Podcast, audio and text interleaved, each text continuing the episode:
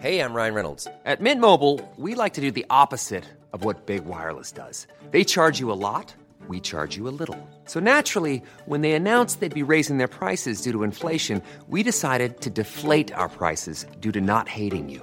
That's right. We're cutting the price of Mint Unlimited from $30 a month to just $15 a month. Give it a try at mintmobile.com slash switch. $45 upfront for three months plus taxes and fees. Promo rate for new customers for limited time. Unlimited more than 40 gigabytes per month. Slows. Full terms at mintmobile.com. Planning for your next trip? Elevate your travel style with Quince. Quince has all the jet setting essentials you'll want for your next getaway, like European linen, premium luggage options, buttery soft Italian leather bags, and so much more. And it's all priced at 50 to 80% less than similar brands. Plus, Quince only works with factories that use safe and ethical manufacturing practices. Pack your bags with high-quality essentials you'll be wearing for vacations to come with Quince. Go to quince.com slash trip for free shipping and 365-day returns.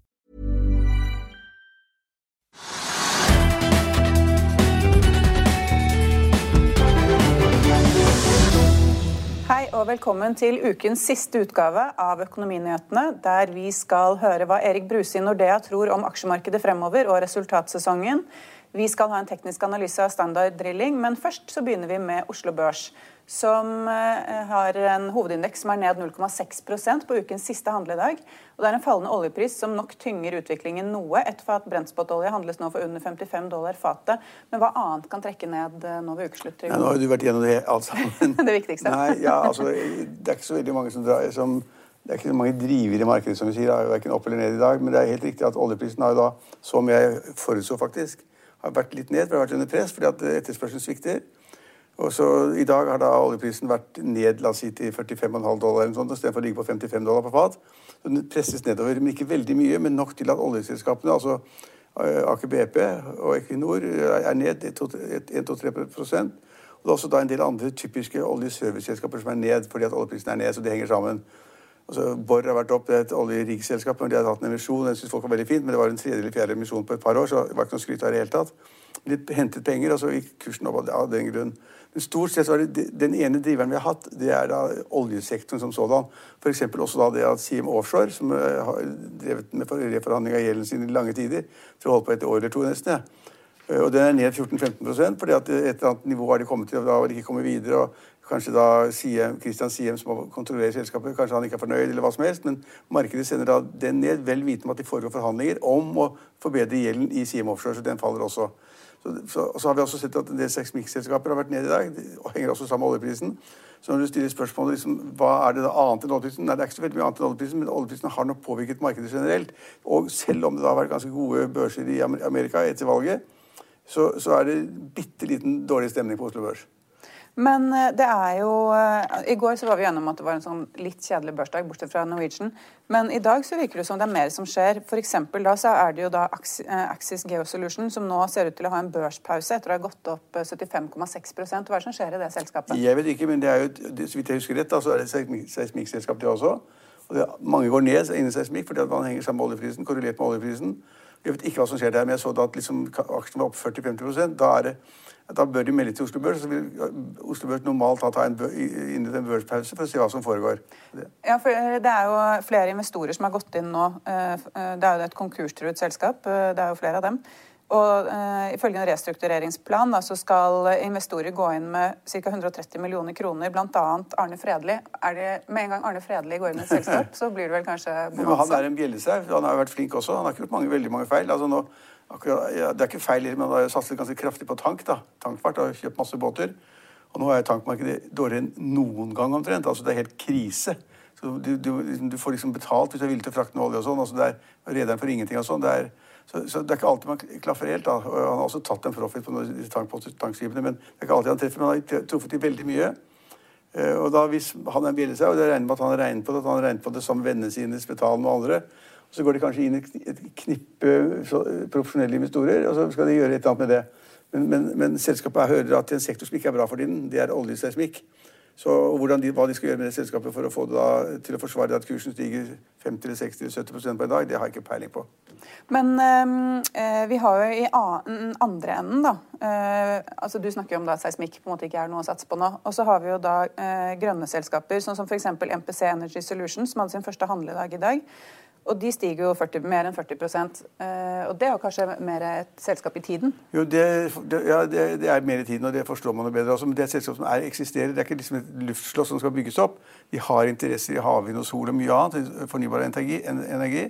De har forsøkt flere ganger å skaffe seg penger på børsen i Norge. Ikke fått det til, og så fikk de det til i fjor. fjor eller ja, var det kanskje 2019 er ikke... Ja, det er 2019 som de ikke 2019, fikk det til. 2019, ja. ja og, så, og, og, nå plutselig så går kursen som bare rakkeren. Eh, for det er de riktige tingene. Folk vil ha alt som har med fornybar energi å gjøre. De liker sol, de liker vind, og selskapet er der. og det, Markedet liker det og kjøper det. Da jeg så på det, så var kursen opp 40% eller sånn. Jeg vet ikke hva det er nå, men kan ha falt litt tilbake. Ja, Det var det samme rett før vi gikk inn i studio her. Men eh, et annet selskap som vi også har snakket om i det siste, som er litt i samme segment, kanskje ikke like grønn aksje på den måten, men det er jo det Aker, nei, Aqua Biotechnology, som er opp 25% i dag. men det er ikke grønn energi, altså? Nei, det er ikke grønn energi, men det er jo en, eh, en fiskeaksje. Ja, er det en fiskeaksje? Ja, de, de, lager noen sånne marine ting til sminke. Som, du, som og sånn. bruker sminke til det jeg snakket ja, ja. om i går. Så det, ja, ja, altså jeg kan ikke det selskapet. Det er et bitte lite selskap. Og så har de da et eller annet innen, da, innen farmasi som gjør da, liksom, da, at huden blir bedre, eller det, whatever. Og det har gått som bare så det tror folk veldig på. Og enten har de kanskje funnet et, et eller annet produkt som da tjener masse penger på, et produkt som de har masse gode marginer på. Kanskje, det vet jeg ikke. Men De har jo da steget noe voldsomt i det siste. Men det er jo et veldig lite selskap. Men Da må man kunne selskap for å si noe om det. Altså da, det er steget fra et veldig lavt nivå, så er det steget ganske kraftig prosentvis. Men om det ligger det, eller hva selskapet Jeg vet, jeg vet, knapt hva selskapet står for, så det tør jeg ikke si noe om. Jeg ser bare at det ligger på vinnerlisten hele tiden. Men, um, Men vi har noen tunge, gode selskaper. Det er ikke bare sånne tøyseselskaper. og ESG og Jeg tror ikke de syns det er tøyseselskaper, da. Ja. Men uh, sånn som f.eks. en annen stor ting som har skjedd i dag, er jo Bård Drilling. Ja, Det er ikke noe stor ting, for de har hentet noen penger for i markedet. Dem, da. Ja, de, har, ja, men de har, de har vært presset til å hente penger. De, det var jo snakk om at, altså det ble hevdet, da, kanskje var det bare rykter, jeg vet ikke, men det, det ble hevdet at DNB, som er hovedbankforbindelsen, hadde da sagt at nå gidder vi ikke mer. Nå har det vært så mye, tjener ikke penger. Eh, eh, forretningsideen med å kjøpe masse rigger sånne som de har, og liksom kjøper billig og så da vinne alt når da markedet gikk, det har ikke slått til. Markedet går jo ikke fordi oljeselskapene holder igjen med å lete og, og bore. Eh, de holder igjen på seismikk, de holder igjen på alt som har da med leverandørindustrien. Og da er Borr ute å kjøre, for det er altfor mange rigger, altfor mye gjeld. Så har de hentet penger, hentet penger, hentet penger, hentet penger for tredje eller fjerde gang. Eh, og så har aksjen opp 6 eller sånn. Det er ikke noe skritt av. Nei, for eh, De skulle da egentlig hente 40 millioner eh, dollar og økte til 46 millioner pga. stor interesse.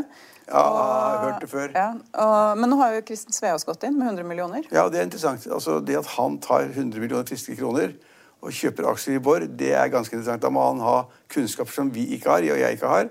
Eller han er mer spekulativ enn det du gjør og det jeg er. Det vet jeg ikke, men at han gjør det Han er jo god til å regne og flink til å få til investeringer, men han har også eh, vært inne i selskaper som har ligget veldig dårlig an, som har kjøpt seg inn og ligget og ventet i mange år. Så det kan tenkes at han håper da på at, eh, at eh, Toralf Traum, som, som, dirigerer selskapet, kontrollerer det, at han har, forresten en plan? Mye, ja, han har mistet mye av sine eierinteresser, men at han har en plan. Han har en plan. Egon har en plan. Og at han da ligger og venter på det, og så setter han inn 100 millioner, så håper han da kanskje få 150 ut eller noe sånt. Ja, for nå har jo han da like mye cirka eierandel som det Trøim har. Sveaas er ikke bedre på å drille etter olje enn de fleste andre. Det tror jeg ikke noe på. Men det er jo interessant da at to av de selskapene som eh, vi snakker om i dag, er jo i eh, det du egentlig mener er eh, ja, bransjer som man ikke har særlig, særlig tro på, da. Axis og Borr. Ja, men altså oljeservice og, og, og oljeringer og den type aksjer har jeg frarådet i flere år. Så er, der står jeg på trygg grunn. Der burde man ikke være. fordi at det har ikke vært noe marked. Det er, liksom eh, flere hundre supplyboats som ligger i opplag. Eh, det er flere subsea-selskaper som ligger i opplag. ikke sant? Det er, det er, ikke noe å gjøre.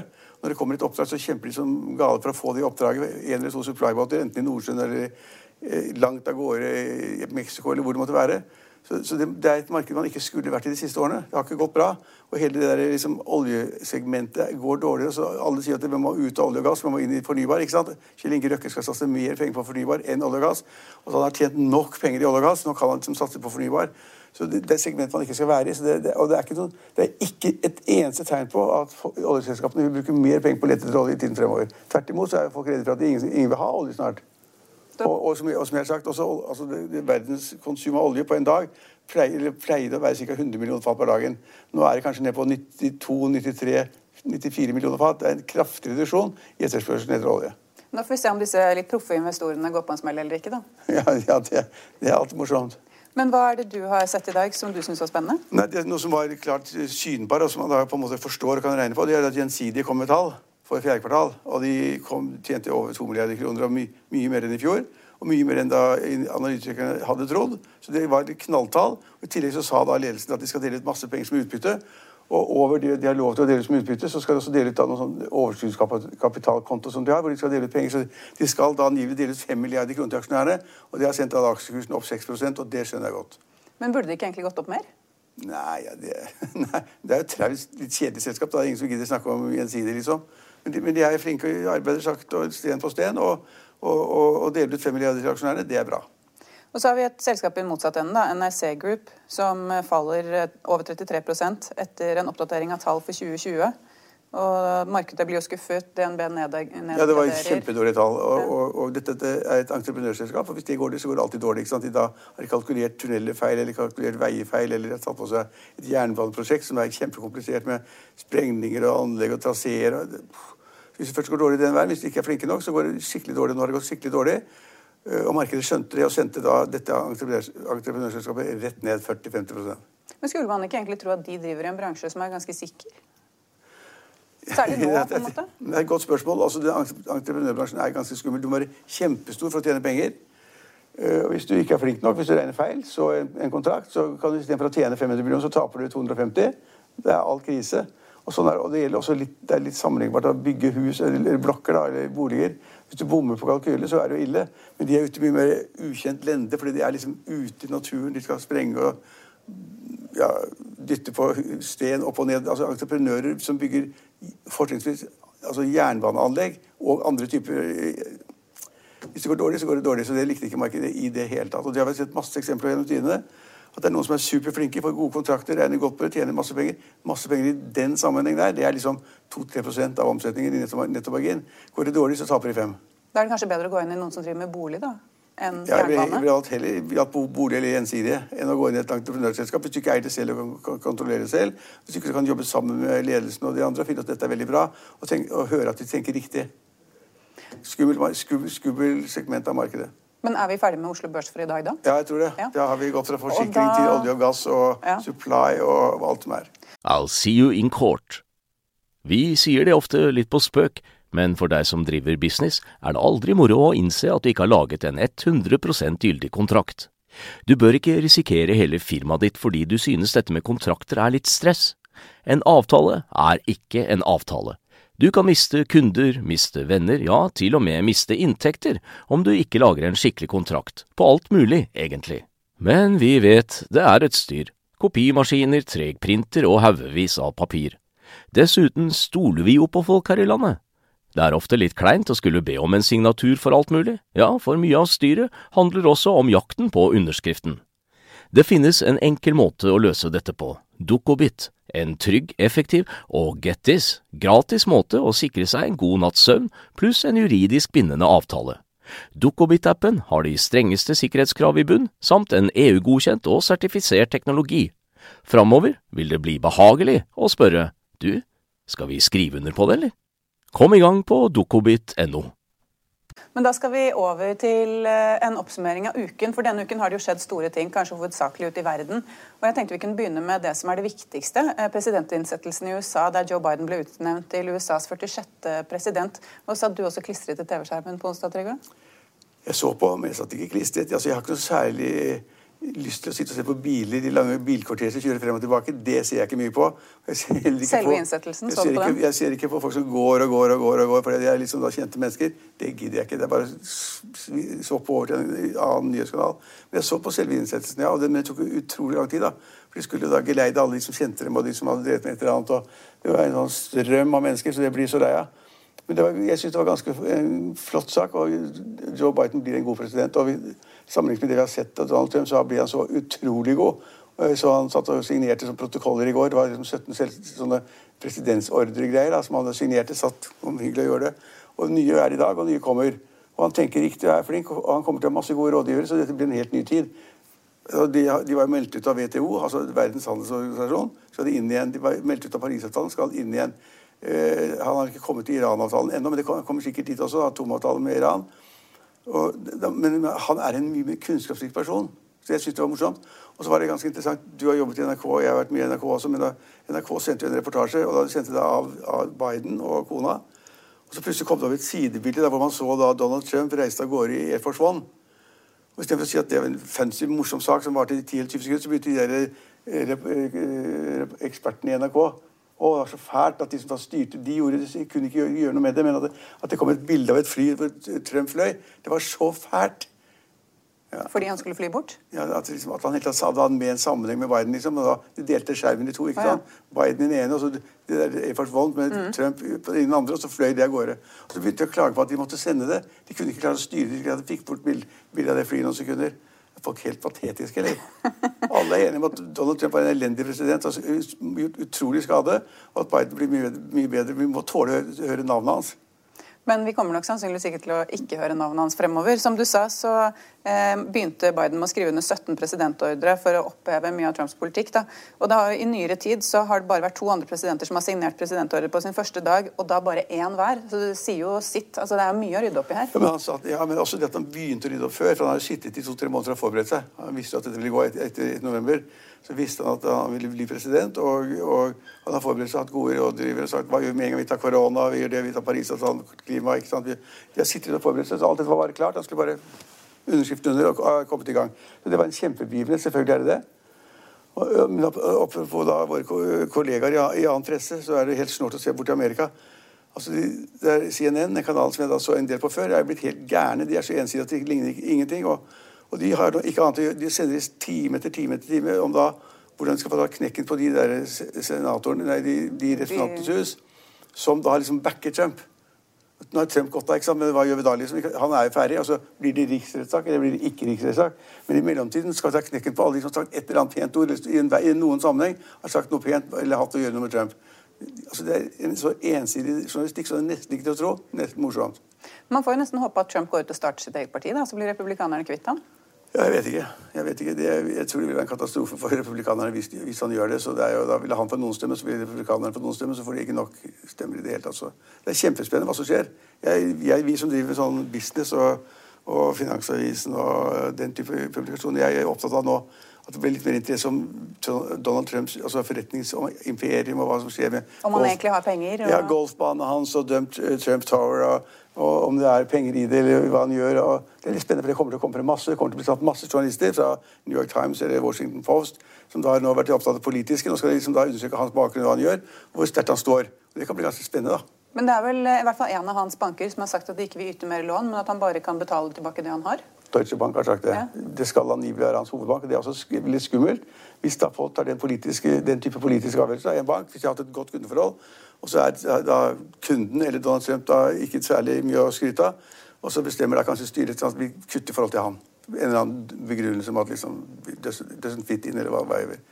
Så, så det syns jeg er ganske skummelt. da. Men samtidig, det er et privat selskap, på samme måte som Twitter eh, kan kutte ham ut fordi de er et privat selskap? Ja, jeg syns ikke de er så smart heller. Vi skal ikke ta den store diskusjonen. Men at Twitter eller andre tar ut folk fordi de har sagt dumme ting eller skrevet feil eller skrevet løgner, det, det er, altså, Twitter og en del andre selskaper, Facebook eller andre ting, eller andre uh, sosiale medier, som, de skal på en måte være programvare, en plattform telefonsentral, og så kommer vi, du og jeg snakker sammen og hva vi vil. Liksom. Skal, I det øyeblikket disse store selskapene var en enorm makt, de begynner å bestemme at de ikke liker Hansen eller Pettersen, ikke liker Trump eller Peder Aas. Jeg, jeg, har ikke veldig sans for den utviklingen. Det har jeg ikke. Nei. Men eh, ja, Nå har jo ikke de et redaksjonelt ansvar på samme måte som oss. Men... Det, har ikke noe redaksjonsansvar. De, altså, de kommer inn, det er farlig, de, de, de korrigerer jo ettertid osv. Og, så og de tok jo bort mange av de løgnene som Trump kom med. Tok de ut at han, da, at han var blitt lurt til valget, og sånn, at, de stjal valget fra han. Det tok det ut med at man da på en måte fjerner et navn eller et selskap eller et annet for resten av livet. Det, ja, er, vi som driver i pressen, liker iallfall ikke det at man da har restriksjoner på pressen og utøvelsen og skal styre oss. Det er, det er liksom, vi er et åpent, fritt samfunn, og det er noe av det viktigste vi har. Det er pressefrihet. og si akkurat, Vi kan si akkurat hva vi mener. Det gjør vi også. Så det er jeg skeptisk til. Ja. Den diskusjonen får vi ta en annen gang. det er en annen gang, ja. Det er ikke sikkert vi blir enige. Men øh, det som er interessant, er jo at øh, jo, eh, Biden har definert fire store kriser i USA. Koronapandemi, økonomisk krise, raseulikhet og klimaforandringer. Og uh, Når det kommer til økonomi, så har han lansert en krisepakke på over 16 000 milliarder, milliarder kroner. norske kroner. Uh, og altså, Er det nok? Det er, han har jo masse punkter som han skal gjennomføre. Ja, ja, ja, det, om det er nok, vet jeg ikke, men det er mye penger. Mm. Og Mange sier at det er for mye, at det vil føre til inflasjon og, og greier. Det tror ikke jeg noe på. De, kan, de, de har masse å bruke penger på. altså Det amerikanske samfunnet har utrolig mange områder hvor det er liksom fattigdom, dårlig utviklet infrastruktur og masse rart. Så de kan bruke masse penger før man kommer til et punkt hvor liksom det er fare for inflasjon og renten går opp. Og når renten går opp, så er det dårlig for aksjemarkedet. Det er dårlig for de som da må låne penger osv. Så, videre. så de er ikke i nærheten av det, så de kan bare bruke enda Spør meg, men jeg sitter ikke med detaljkunnskap om, om, om, økonomien i USA nå. Men for meg kan de bare bruke mer penger. Og så er det slik at de kan trykke, trykke så mange, mye penger de vil, og ha mer og mer gjeld, for de, de trykker sin egen valuta. Det spiller ingen rolle.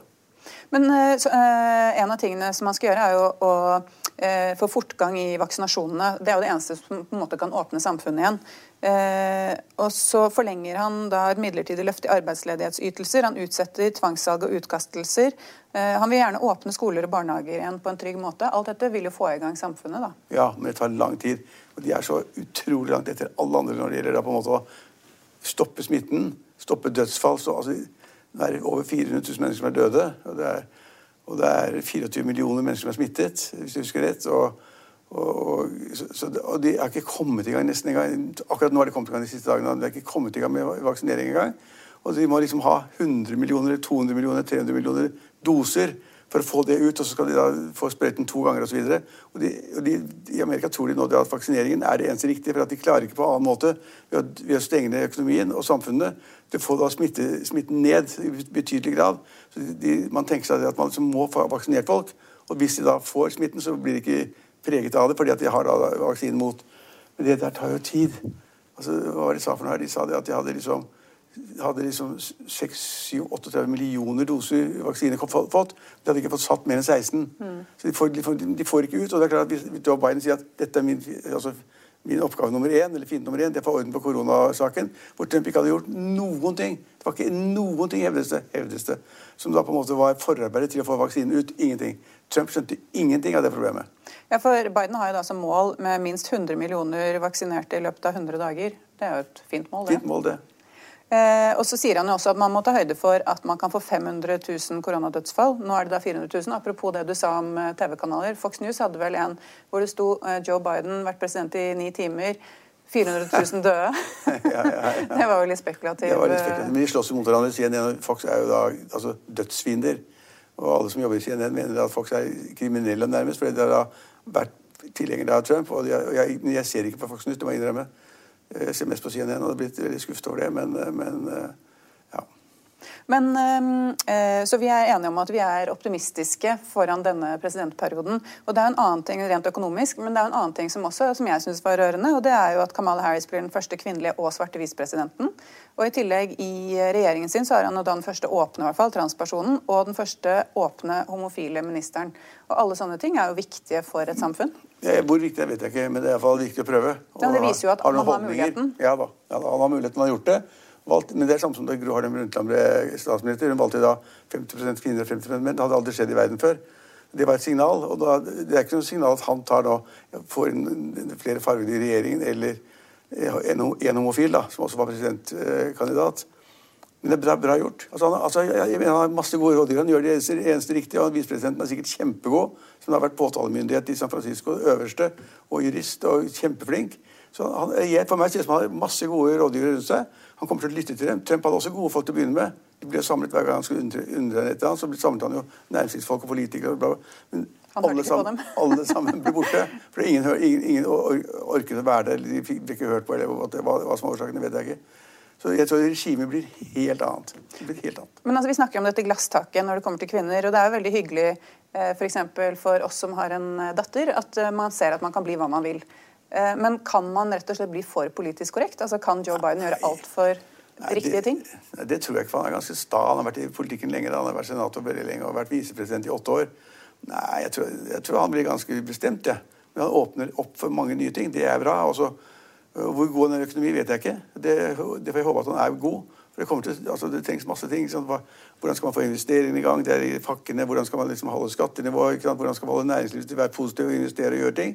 Hvordan skal man unngå et børskrakk på 20-30 i løpet av et par uker? Hvis folk mister tilliten til han, ikke sant? Så, men jeg er kjempeoptimist på Joe Bidens og USAs uh, eh, vegne. Fordi at Donald Trump var så utrolig dårlig. Så det er liksom ingen som ønsker han tilbake, da, bortsett fra en del republikanere. Men utenfor USA så er det ikke mange som, ønsker han tilbake, fordi vi vet at han vil være god. Det er det ikke. Da har vi vel egentlig oppsummert det viktigste som skjedde denne uken. Det var det viktigste denne uken i hvert fall. Ja, det var det. Og det var alt vi hadde i dag. Vi er tilbake mandag. Husk å kjøpe Finansavisens lørdagsnummer i morgen med masse spennende stoff. Ha en strålende helg. Vi ses.